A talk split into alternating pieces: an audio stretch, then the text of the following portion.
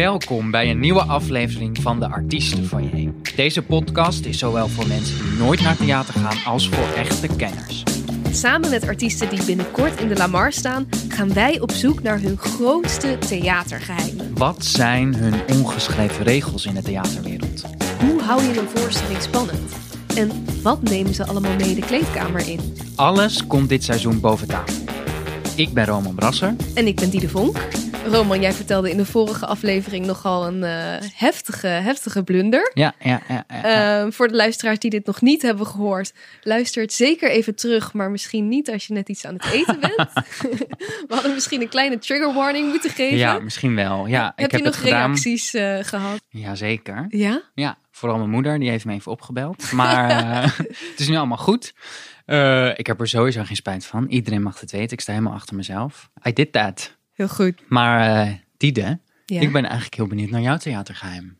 Heb jij er een voorbereid? Dat heb ik. Eh, en die ga ik met je delen helemaal op het einde van de aflevering oh weer. god. Ja.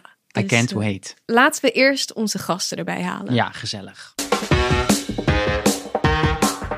Welkom, Soy Kroon, Jan Kooijman. Heel erg leuk dat jullie er zijn. Goedemorgen. Hallo. Goedemorgen, inderdaad. Ehm, nou, voor de mensen die jullie niet kennen, jullie zijn allebei echte alleskunners. Jullie acteren, presenteren, zingen, dansen, nou ja, wat eigenlijk niet. En jullie spelen allebei eh, een hoofdrol in een voorstelling over iemand die echt heeft bestaan of die echt bestaat. Eh Soy, jij speelt in Nu ik je zie. Ja. Een toneelstuk gebaseerd op het boek van Merlijn Kamerling over de relatie met zijn vader, Anthony Kamerling.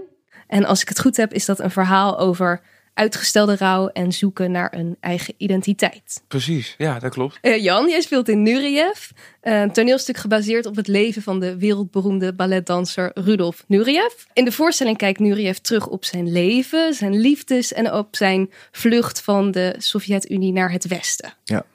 Klopt ook helemaal? Dat klopt. Ja, nou, nee, ja, fijn. ja, ja, fijn, oké, dan zitten we tot nu toe goed. Ja, de informatie zit goed. Ja, Daar ben ik blij mee. check.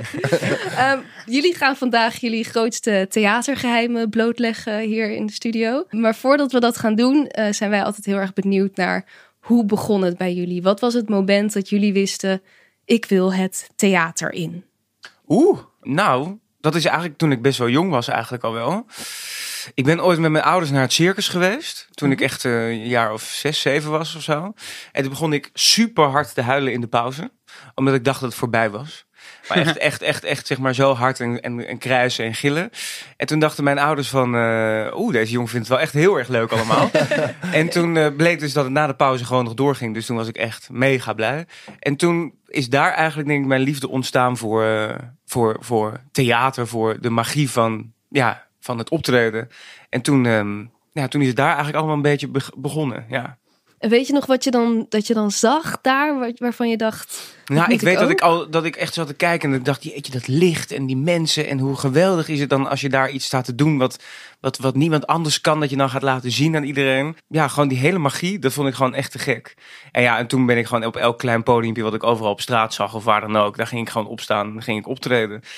En eh, toen dachten mijn ouders, nou volgens mij moet dit kind moet, moet daar iets mee doen. Ja, dat eigenlijk. Leuk. En bij jou, Jan?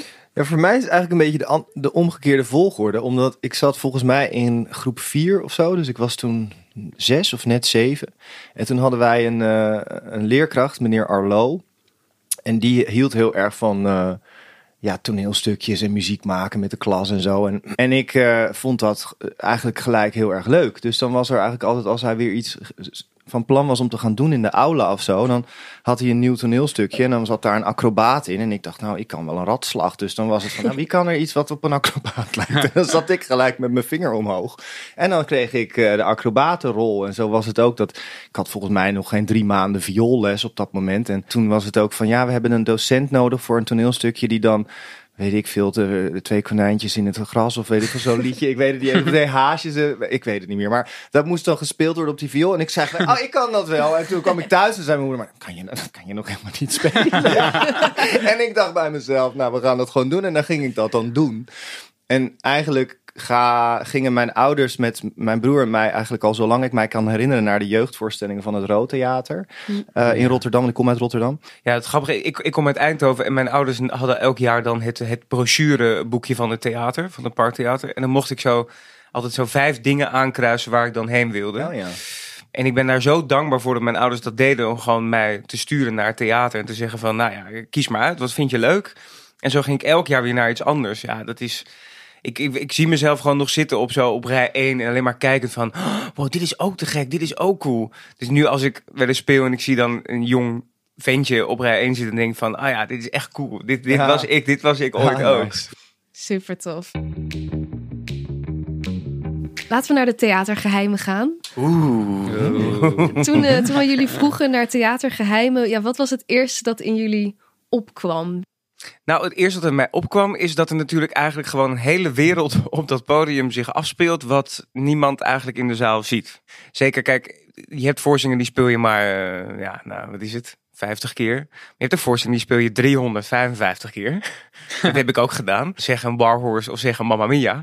Nou, dan is het op een gegeven moment natuurlijk wel, eh, ja, is de, is de koek een beetje op. Om- Ja, Hè, dat dan, snap ik wel, Ja, ja. dan ga je gewoon richting het publiek, speel je gewoon de allerbeste voorstelling ever.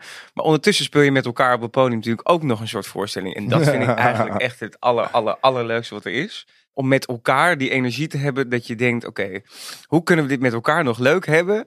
Dus dan ontstaan er eigenlijk allemaal hele stiekeme verhaallijntjes op het toneel. En je gaat extra dingen spelen of je gaat elkaar opdrachten meegeven. Ja, dat, daar geniet ik eigenlijk het meest van. Zijn mensen daar wel eens achter gekomen? Nou, ik ben wel eens een keer teruggeroepen door een, comp- Ja? door een eh, resident director. Ja. Waar? Wat had je uitgesproken? Ja, vertel. Wat, nou, eh, eh, ik, dit was volgens mij. ik, ik speelde ooit in Vamos, een voorstelling. En dat was Johnny Kraaikamp en ik. Wij speelden vader en zoon. En dat is echt de allergrootste koning in smieren. Die, die zei dan gewoon, eh, eh, zei ik voor net zo twee minuten voor aanvang, gaf ik hem een opdracht voor de eerste scène. Zei ik van, nou, je bent vandaag ben je blind. Nou ja, weet ik veel wat.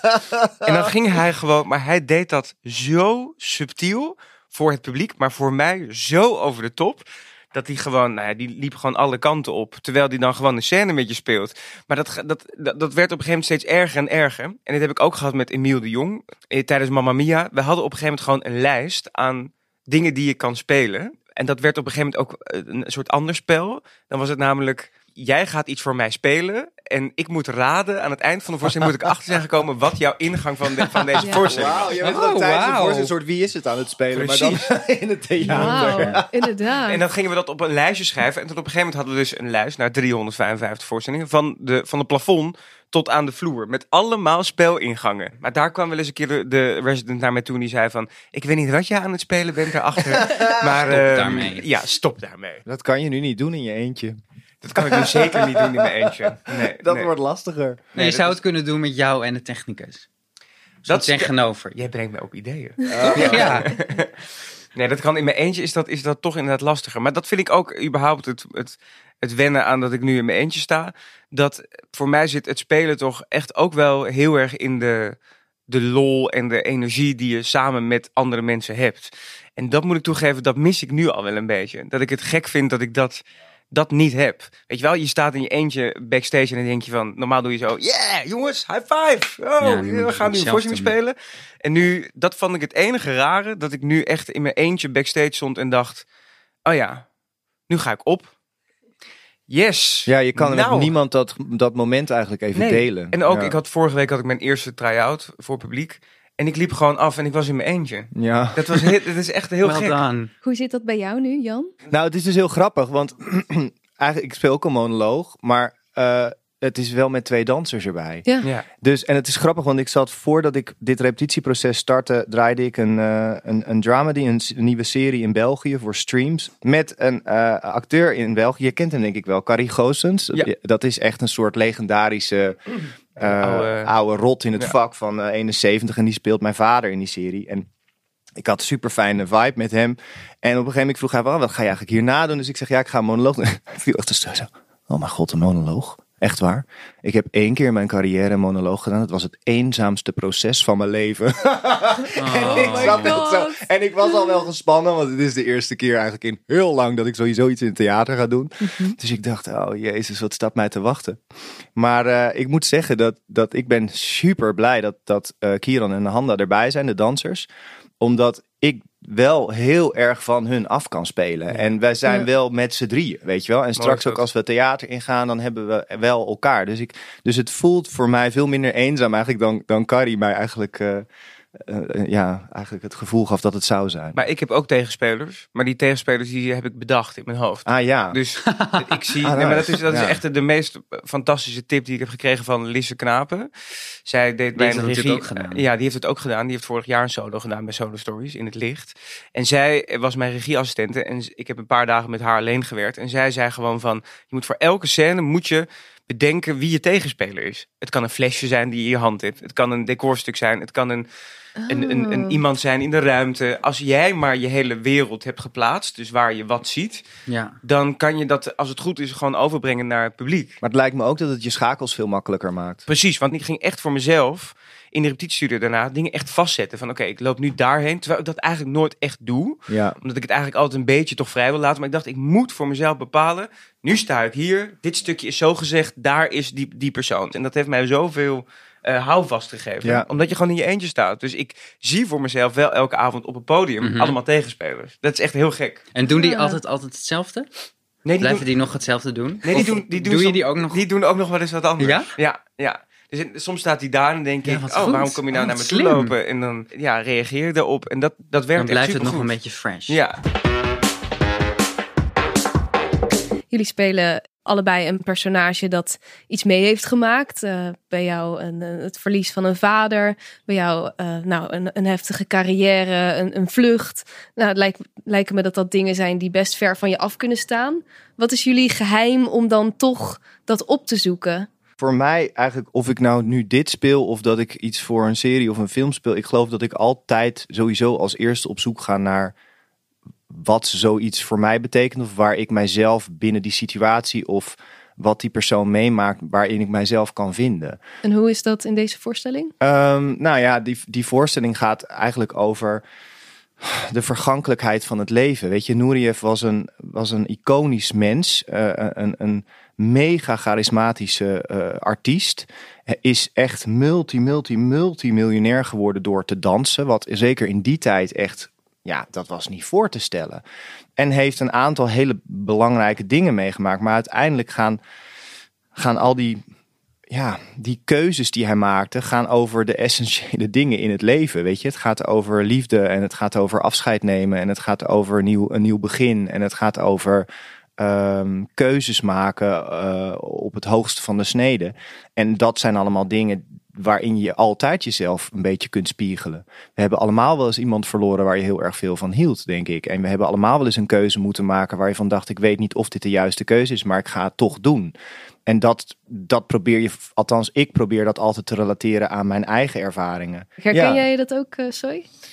Wat, mag ik iets vragen? Speel jij nou, speel jij dan Merlijn of speel jij Anthony of speel jij ze allebei of speel jij... nou, ik, ik, ik vertel het verhaal van Merlijn en ik speel Merlijn. Ja, ja. Maar in de voorstelling verweeft dat op een gegeven moment wel naar Precies, Anthony. Want ja. hij is op zoek naar eh, zijn vader. Ja, Ehm, ja, ik, ik denk dat ik, ik... Ik heb eigenlijk niet echt... ge- ja, kijk, tuurlijk heb ik het in de repetitieproces heel erg gehad over wie is Merlijn en wat staat er in het boek. En, en dat is ook het grappige. Op een gegeven moment hield ik van Merlijn en een week later haatte ik Merlijn af en toe echt. Omdat je ook... Je gaat helemaal op zoek naar wat is dan... Waarom doet hij dit dan? En waarom doet hij dit dan zo? Eh, Merlijn staat voor mij heel erg van mij af. Want eh, ik speel de tijd dat hij als puberjongen... eh, na de dood van zijn vader eigenlijk tien jaar lang niks wilde weten over zijn vader. Dus iedereen begint constant over zijn vader van... Ja, jouw vader, jongen, dat was een geweldige gozer. En och, ik heb deze herinnering nog. En hij denkt alleen maar, hou op. Ik ga er niet over praten. En dat is natuurlijk een soort mechanisme van afsluiten... omdat hij niet aan dat rouwen wil beginnen. Hij, ja, hij wil daar gewoon niet aan aankomen. En dat is wel echt een soort, soort kantje, dat puberen en dat gamen en dat niks doen en dat hangen, dat ik echt totaal niet ben. Dus ik ben eigenlijk van mezelf een hele positieve, energieke speler. En dat vond ik heel leuk. Ik moet heel erg zoeken in de voorstelling naar dat ik eigenlijk alles eh, minder doe. Je zit eigenlijk te kijken naar een jongen die helemaal niks van zijn leven maakt. En die dat, niet, dat trauma niet aan wil gaan. En, en op een gegeven moment in de voorstelling gaat er een motortje aan en gebeurt dat toch. Ja, ik, ik, ik vind dat super leuk om te spelen, omdat het zo ver van me afstaat. Vind ik ook heel moeilijk. Maar ik denk vooral dat je op zoek moet gaan, inderdaad, wat jij ook zegt, naar dingen die, de thema's die, die, waar hij mee eh, te, maken heeft, dat je die een beetje koppelt naar jezelf. Ja, dat is natuurlijk een gekke. jij hebt eigenlijk Jan met Nureyev ook weer meer vrijheid, omdat die man er niet meer is. Ja, en ook al best lang niet meer, want hij is begin jaren negentig overleden. Mhm. Ehm, en het is ook wel raar, omdat hij. Er is heel veel geschreven over hem. Er zijn heel veel biografieën. eh, er is best wel wat materiaal. Maar het is toch anders, omdat hij niet leefde in een tijd waarin iedereen een, een camera op zijn telefoon had en alles. Weet je wel? Dus het is echt wel uit een ander tijdsegment. En in dit geval speel ik iemand die toch al een hele poos dood is. ehm, waar wel veel mensen iets van weten, maar ook heel veel mensen waarschijnlijk niet. Dus dat maakt het misschien iets gemakkelijker. En aan de andere kant weet ik ook niet of ik dit proces anders in was gestapt als hij er wel nog was geweest. Ik denk dat ik het dan wel op dezelfde manier had Dat denk ik ook. aangepakt, Dat denk ik ook. Ja. Ja. En dan naar een ander theatergeheim. Wat zijn dingen die jullie nu meenemen in je kleedkamer? Zijn dat altijd dezelfde dingen? Hebben jullie bepaalde rituelen? Hoe ziet dat eruit bij jullie? Ik heb altijd onderin ergens in, mijn- in mijn kast staat een soort, et, een soort etui, noem je dat etui? Nee. Ja? een soort, nee, een soort toilettas. Toilettas. Ja. Met gewoon de spulletjes die ik altijd mee op tour heb. En die gaat gewoon weer, hup, zo mijn tas in. En dan die gaan dan mee. En wat zijn dat voor spulletjes? Nou, er zit een haarspul in eh, voor mijn krullen. Wat zit er nog meer? Smintjes. Maar weet je wat ik dus ook merk? Belangrijk. Dat ik dus nu in mijn eentje sta. Dus dat ik normaal altijd mijn tanden poets voordat ik ga spelen. Vanwege mijn denkt je, En dan denk ik, weet je wat? Doe het gewoon niet. tering. Ik ga helemaal geen tanden meer poetsen. Dan denk ik gewoon, haha, ik heb toch niemand die mij ruikt. I'll show you. Living on the edge. Geen tanden poetsen. Dus ik dacht, ik haalde mijn tandenborstel uit. En denk ik, nou, die heb ik eigenlijk helemaal niet nodig. Nee, nee, goed. Maar dat, eh, wat zit er eigenlijk nog meer in? Is er nog iets anders geks? Heb jij iets geks wat je meeneemt op tour? Nou ja, ik heb al 14 jaar niet getoerd. Dus dit is 14 Ja. jaar. Oh my god. Ja, dus 14 jaar geleden stopte ik bij Scapino. En, en daar hadden we allemaal zo'n eigen zwarte box. En die ging inderdaad open. En daar zat altijd, die zat helemaal vol met toy-toy kaartjes van alle voorstellingen die ik ooit had gedaan daar. En daar zat dan ook een beetje zo inderdaad je haarspul en shizzle. Maar ik weet ook dat ik had, super neerderig. Ik had een klein poppetje van Bert. Ik ben nogal fan van Bert, van Bert en Ernie. Oh, ik denk dat welke Bert? Ja, nee, Bert, Bert en Ernie. Ik vind Bert cool. en Ernie fantastisch. En ik vind Welke Bert zeg jij dan? Nee, ik dacht, eh, ik ben Bert- fan van Bert. Bert. Oh. Ja, ik Bert van Leeuwen. Oh. Oké, je bent Bert fan van Visser. Bert. Nou, Ik dacht een hele... Bert van Bert, Leeuwen. Bert Visser, jij gaat. Ja, Bert van Leeuwen. Ik ben echt super fan van Bert. Ik heb een klein, klein poppetje van Bert van Leeuwen. van de Dat zou EO. wel echt geniaal Ja, dat was ooit een cadeau van de EO. Ik was lid van de EO. Want ik kan-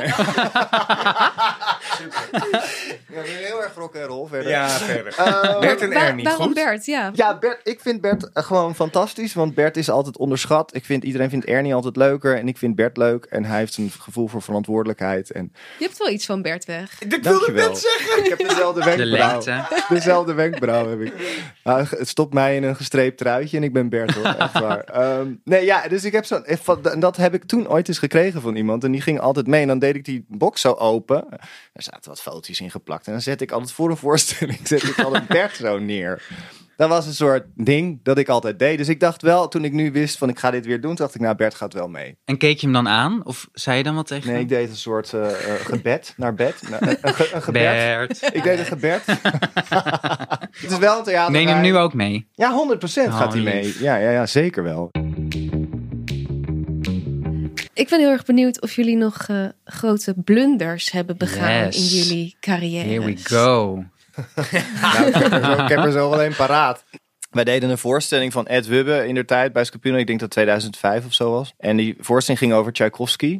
En ik had daar op een gegeven moment een vrij langdurig duet in met een choreograaf, nu choreograaf Annabel Lopez Ochoa, een hele leuke vrouw. En ehm, dat ging altijd heel goed, maar wij hadden soort van schermpakken, als het ware. Of die Oh, leken witte Zo pakken. wit, helemaal wit. En dan zo'n soort strak zo hier. En dan zo'n strakke broek met een hoge sok erover en scho- schoenen daarbij. En ik moest op een gegeven moment, ik stond zo eh, eigenlijk rechts voor. En, ik, en zij kwam dan in het midden van het toneel uit. En ik moest voor dat duet echt keihard op haar afrennen. En haar in één keer zo grijpen.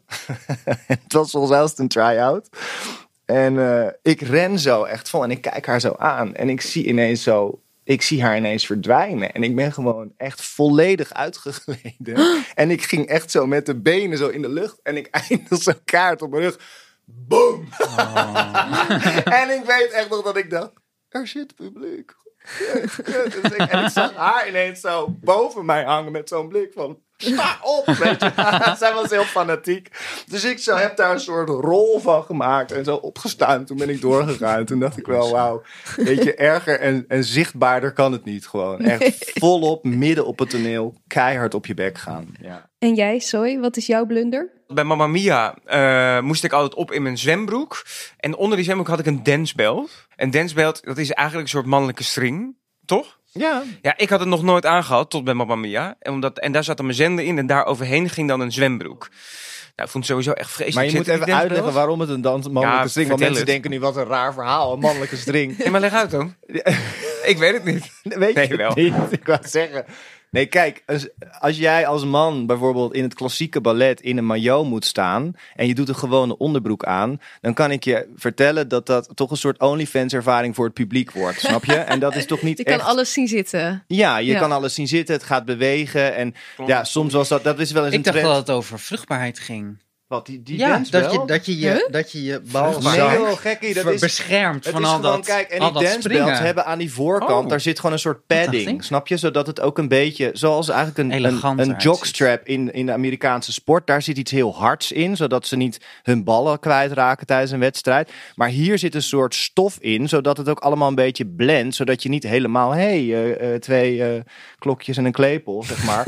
Weet je wel? Dus het is allemaal net iets mooier verpakt en netter. En het blijft ook gewoon zitten, zodat je niet als die man gaat springen, dat je dat hele handeltje, Ja, ja, dat dat, is- Ja, soms eigenlijk natuurlijk super handig. het is wel eens een trend geweest hoor. Ik weet nog dat ze in de begin jaren negentig was een Amerikaanse criticus. En die had een, een stuk eh, beschreven over een man die een solo danste butt naked. En die zei, you can't choreograph a naked penis. Nou, je kunt ook niet een, een, penis in een maillot zonder dancebelt kun je ook niet choreograferen, zeg maar. Dus dat is, waarom, dus een waarom jij een ja. dancebelt aanhad. Maar moest zodat je- jij niet in die zwembroek, dat iedereen dacht, hé, hey, dat is een kleine oh, ja. zooitje. Moest je heel veel eh, hallo. springen? Nee, eigenlijk niet. Maar ik stond wel heel lang op het podium in mijn eh, zwembroek. Ja, dus dat is Ja. heel fijn, want dan heeft het allemaal net iets meer, snap je? Houdt het net iets meer te raden over Ja. ook. Ja, dat is Maar die had ik dus fijn. aan en daar overheen ging dus een zwembroek. En op een gegeven moment, in de voorzin deed ik altijd later mijn zwembroek aan. Want ik had daar gewoon een broek overheen. Maar er is een scène in Mamma Mia, eh Lay All Your Love heet dat. En dat ik speelde Sky en dan gaat al je kleren uit behalve je zwembroek. Dan sta je in je zwembroek op het podium.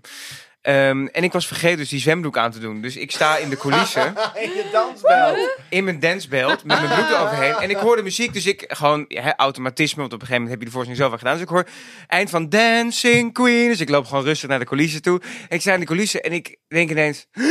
Oh. Ik heb die zwembroek helemaal niet aan. Wauw. Nou, echt, ik kan je vertellen. Ik, ik dacht, ik kan nu of oplopen... En straks uitgekleed worden op het podium in mijn dancebelt. Of ik ren nu heel snel terug. Wauw, wat een keuze. Dat did is you do? Ik ben teruggerend. Oh, Echt jammer. waar? Ja, het sorry, verhaal. Oh, me. wat jammer. Nee, ik kwam veel later op het Oh, podium. nee. Maar ik dacht, oh, ik dacht ja... Maar ik was het een zwarte niet- dansbelt of was het een huidskleur? Huidskleurig. Oh, Dus dan had ik, als ik dat had gedaan, dan had ik daar gestaan in mijn huidskleurige onderbroek. En dan had het gewoon geleken alsof ik naakt stond. Maar dan met, maar dan met een hele rare, eenkleurige, zonder vormen. Nee. Een soort, soort kenpop. Ja. Ja, precies. Ja. Maar de stress die dan door je lijf gaat. het. Als je daar backstage staat, denk je echt... Ja, dat. Ik ben benieuwd of er nog theaterwetten of theaterregels zijn die jullie hanteren. Iets wat je altijd meeneemt op het podium. Ik heb bijvoorbeeld altijd eh, cirkels van aandacht. Heb ik ooit geleerd van Gijs de Lange. Oh, vertel. Ja, dat je, je hebt zes cirkels. En als je speelt moet je, in het, moet je in de middelste cirkel zitten. Of dat is het fijnst. Of dan ervaar je, dan ben je in het hier en nu. Dan ben je met jezelf en jouw taak bezig. Maar En wat zijn elke- die andere cirkels dan? En elke cirkel, eh, als je bijvoorbeeld het, eh, je mobieltje is, een, is weer een cirkel verder. En dan dwaal je steeds verder af van jou en jouw taak Hmm. In het moment zijn. Een andere cirkel gaat over eh, hoe je het had moeten doen. Dan heb je nog een andere, je- helikopterview is ook zo Precies, ja. Ja, en het, de zesde cirkel is het allerergst. Want dan ben je gewoon niet meer in dit moment, ergens maar anders. gewoon ergens anders. Jeetje, wat mooi. Nou, grappig dat je dat zegt, want ik heb wel altijd een kwartier voor aanvang, nou, tien minuten voor aanvang, dat ik mijn telefoon echt wegleg. Ik Oh, kan daar precies, bijvoorbeeld ja. echt niet meer naar kijken, want je moet, je moet echt even in die andere wereld stappen. Ja. En als je dat niet doet, dan ga je gewoon ongeconcentreerd die voorstelling in. En dan wordt het gewoon, dan is het zo hard werken voor jezelf vooral, om in, weet je wel, echt er even uit te stappen. En ik probeer ook nooit echt te kijken naar wat vindt het publiek ervan. Want je kan wel eens dat je in de theater staat dat je de eerste drie, vier rijen Ja. ziet. Ja. En dan raak ik gewoon echt afgeleid. Ik, ik, ik heb er ook een keer iemand zien slapen, weet je, op rij 2. ja. En dan, dan, dan zit je de hele avond, ben je alleen maar dat je denkt, oh, ik doe het niet goed. Oh, shit, oh, ze vinden het niks. Oh, ze zitten te slapen. Ja, nee, dat moet je gewoon helemaal niet, daar moet je gewoon niet mee bezig zijn. En jij, Jan? Ja, ik zit daarover na te denken, omdat, zoals ik net zei, het is voor mij eigenlijk voor het eerst dat ik een tour ga doen in het theater, sinds 14 jaar. En het is ook wel een totaal andere ervaring, omdat ik alleen maar in het theater eigenlijk gedanst heb. Hmm. Ehm, en nu ga ik spelen in het theater. Dus ik denk dat ik zelf nog moet gaan zoeken naar eh, eigenlijk wat jij mij vraagt. Ik merk wel nu in de doorlopen die we doen in de studio. Dat ik eigenlijk, ja, het lijkt wel een beetje op wat jij zegt ook. Ik geloof dat je gewoon even op zoek moet naar je focus. Ik ben heel groot fan van Julianne Moore, eh, Amerikaanse actrice. En ik heb een DVD van een oudere film van haar, eh, The Myth of Fingerprints heet die film.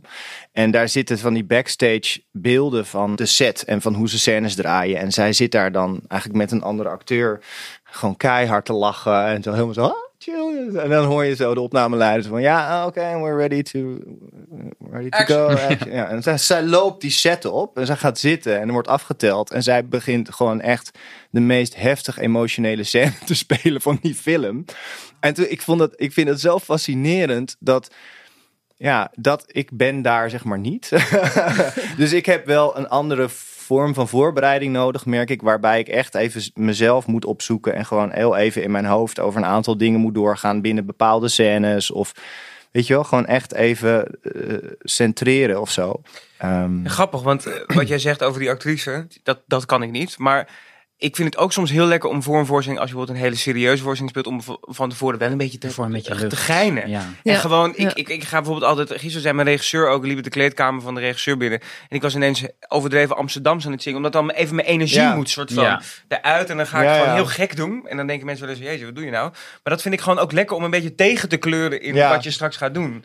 Om een soort van bepaalde, weet je wel, Ja, een nee, energie in nee, jezelf aan te wakkeren. En zitten daar misschien nog eh, gekke warming-ups of speciale oefeningen bij die jullie doen? Binnenbanden plakken, binnenbanden plakken, binnenbanden plakken, binnenbanden plakken. Ja, een Ja. beetje spraakoefeningen en zo. Hele rare dingen zeggen. Omdat ik gewoon ook wel eens heb dat als ik het podium oploop, of toneel, sorry, toneel oploop, dat ik dan, dat ik dan denk... ehm, oh, dat ben- is echt zo'n toneelding trouwens, dat toneelpodium. Dat heb ik dus nooit als danser meegekregen. Dat Nou, weten mijn- mensen misschien ook niet, maar inderdaad, je hoort geen podium te zeggen, maar je moet Ik heb daar echt scheid aan, weet je dat? Ik vind dat zo, ja, sorry.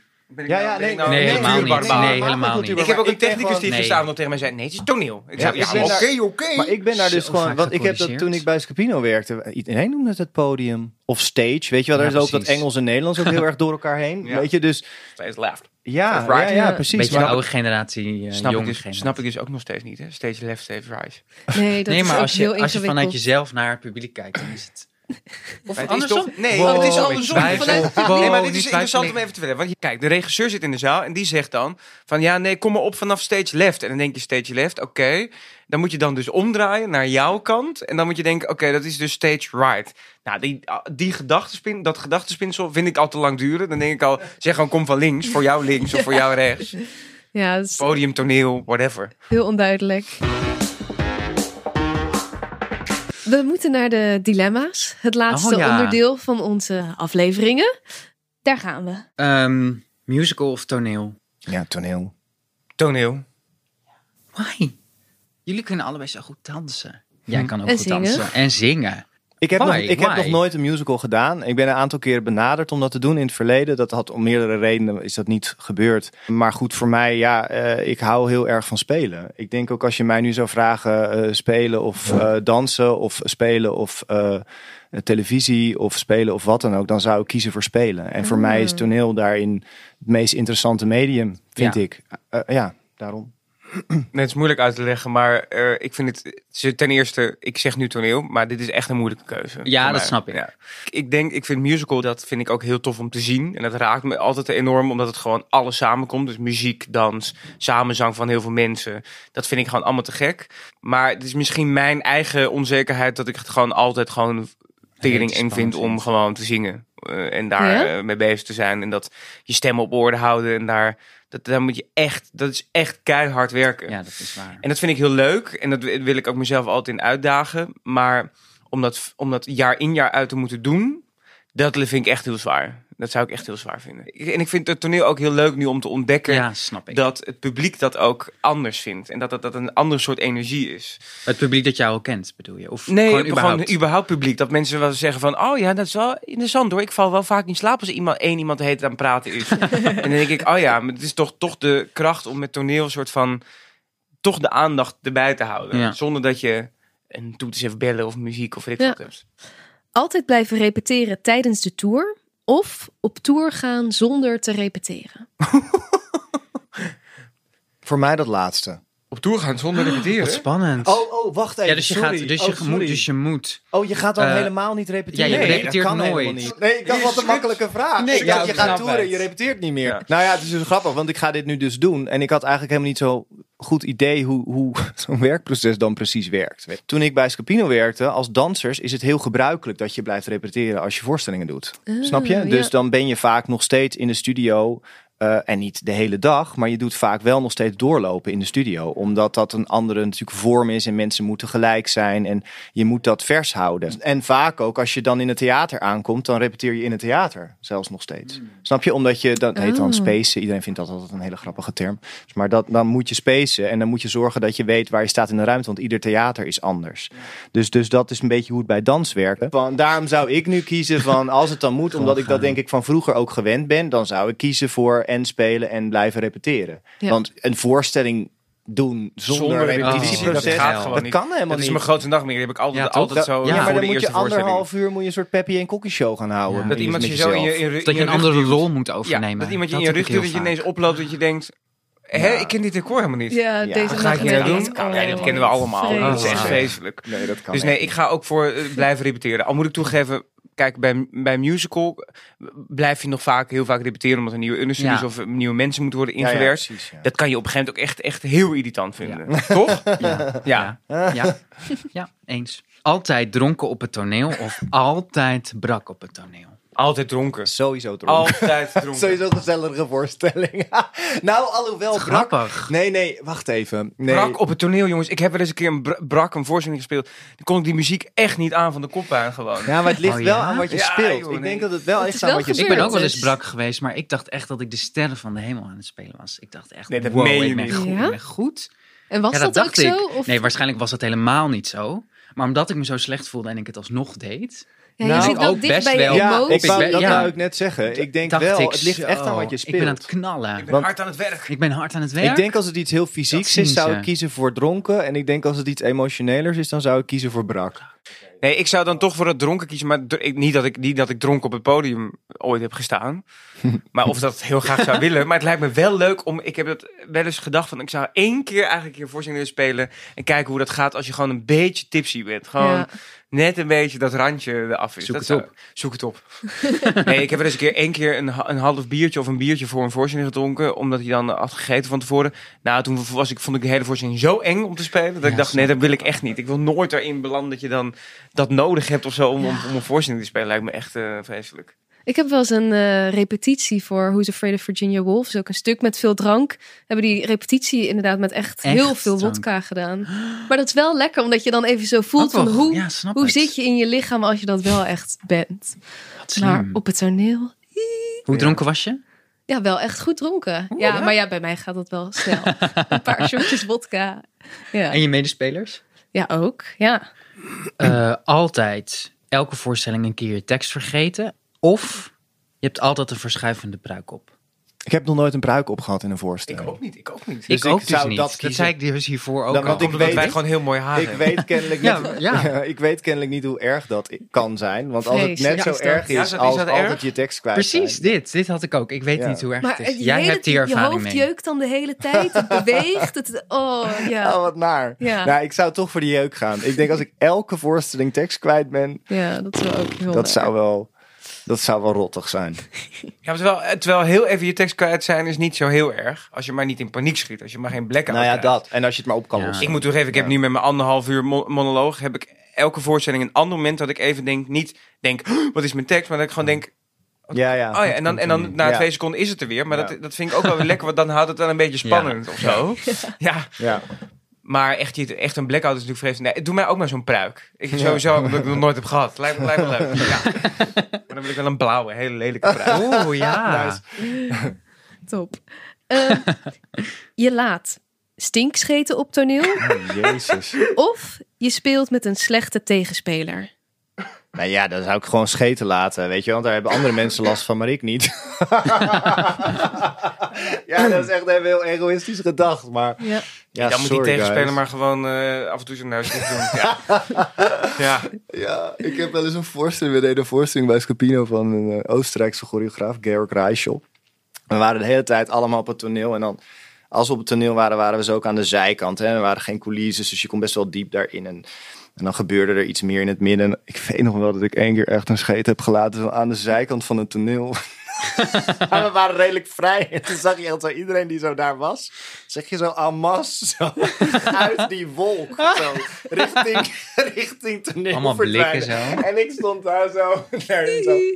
Ehm, altijd zingend praten of na elk woord wat je uitspreekt twee seconden wachten. Oh. Dat is een hele lange voorstelling. Ja, dat is ook heel erg lang. Ik weet ook dat niet is of het leuk wordt. Dan ben je gewoon 2,5 uur bezig. ik, denk dat wel, ik denk dat wel eens als ik op het podium sta nu met die monoloog, dat ik denk van... Oh, mensen vinden me heel traag praten. Weet je wel? Dan heb ik het gevoel alsof, het, alsof ik tussen elk Oh, twee ja. seconden praat. Nou, maar voor deze voorstelling, als ik naar ieder woord zou moeten stoppen. Twee seconden? dan ben je Twee seconden. Nee, Oh, dat, ben ik, nee, dat kan niet. Dan ben, Dat ik, dan ben is- ik vier en een half uur bezig. Maar ja, zingend. Dus zingend praten. zingen praten, dat gaat niet. Altijd, hè? Altijd zingen praten. Ah, wel geestig op zich. Nee, maar dat is wel superleuk. Dat wij hier zitten te praten. Oh, dat vind ik echt Eh, moeilijk. Ik zou, ik zou daarvoor gaan. Dat zingend praten. Let's dan give ben it je a go. gewoon- Dan is het een soort Ja, uitdaging. en dan ben je maar gewoon de altijd de gezellige Jan die Dan toch langskomt die eindelijk in de- lekker zingt. En dan toch eindelijk in een musical. Jovela. Ja. Toch wel altijd een musical dan je... Ja. Hey Jan, hey Jan, we hebben gehoord dat jij alleen nog maar kan zingen en kan praten. Kunnen we jou eh, vragen voor we de jou nieuwe boeken? musical Grease? Of een opera. Of een opera. Dan moet je eerst even mee met op zoek naar. opera. Oh, mijn hemel. Hey, heel erg bedankt allebei. Heel veel succes met Ja. de tour. En, Dankjewel. eh, Ik heb zin om te komen kijken. Ja. Ik kom Ja. kijken. ik ook.